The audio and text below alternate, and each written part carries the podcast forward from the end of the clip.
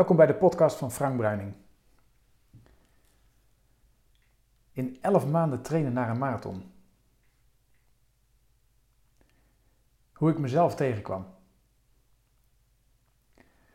Vorig jaar, 2015, in mei, nam ik de beslissing om een marathon te lopen. Want in het jaar dat ik 50 word, wilde ik dit doen. Ik wilde dit halen. En dan in mijn geboortestad Rotterdam. 42 kilometer en 195 meter. Rennen.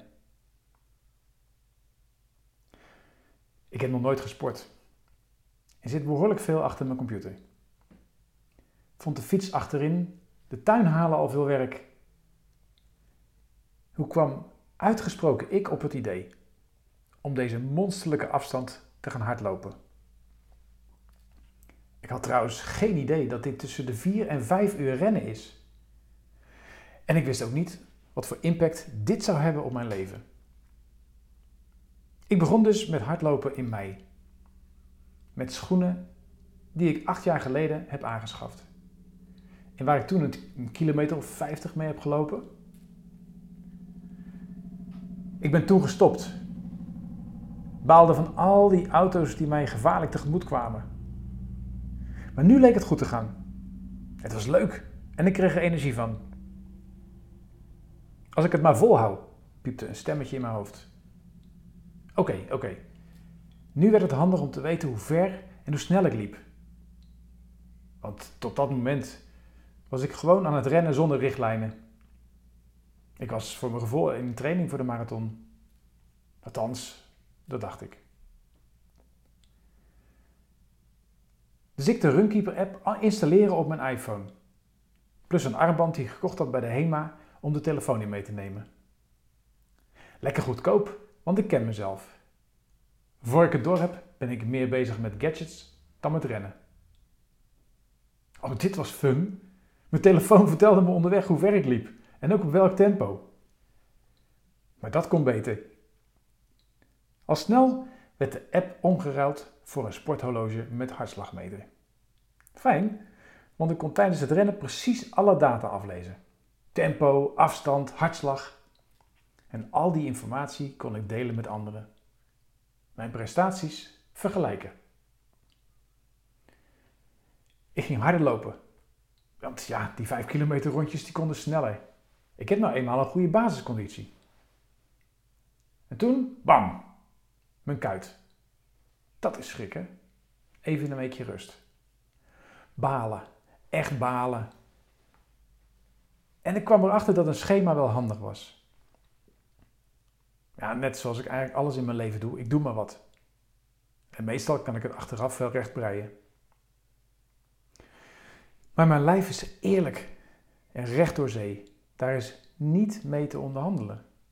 Als je feedback wil, luister naar je lijf.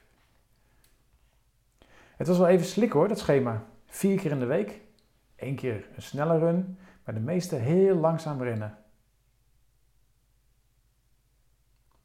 Was dat geen gezichtsverlies, zo langzaam?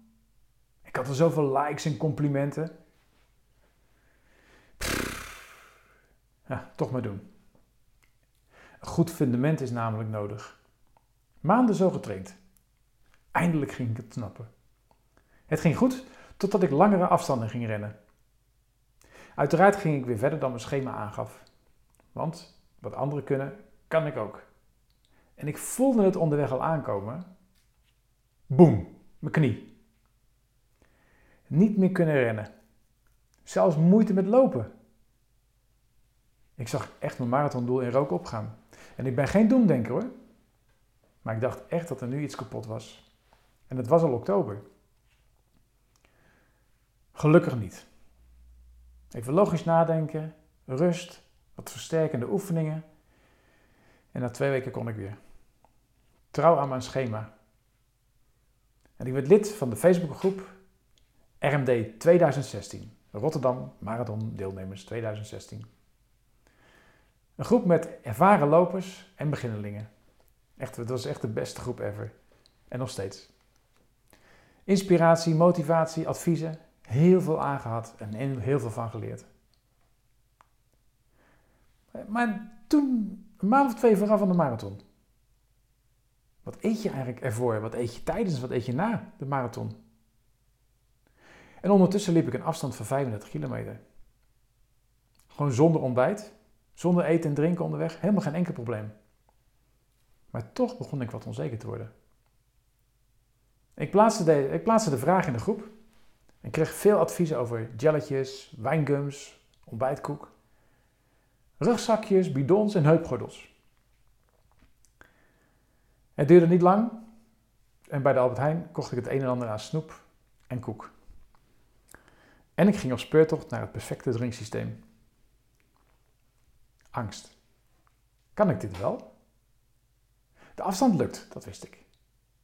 Maar als ervaren lopers deze adviezen geven, het werd een strijd op zich. Ik herinnerde mij het boek Eet en Ren van Scott, Scott Jurek, een veganistische runner. Toch even bekijken, want dat wilde ik. Ik wilde geen rotzooi in mijn lijf. En ik wilde geen jelletjes en zeker geen suikers. En Tanja, mijn lieve schat, liet mij verder ontwaken.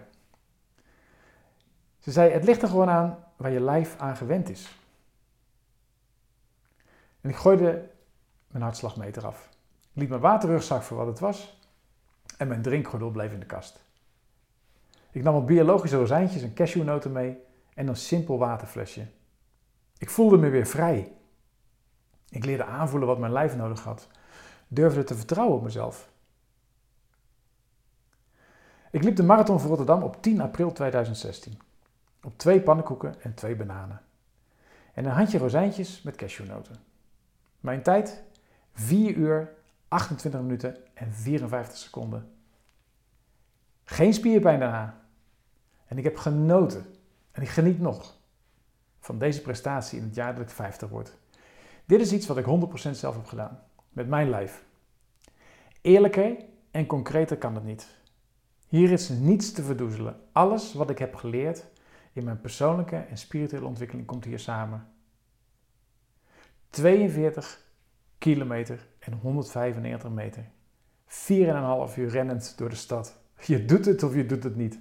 En ik ben nog steeds trots en blij. Ik hoop ook dat het jou inspireert dat te doen wat jij graag wil doen. Luister naar jezelf. Vertrouw op jezelf.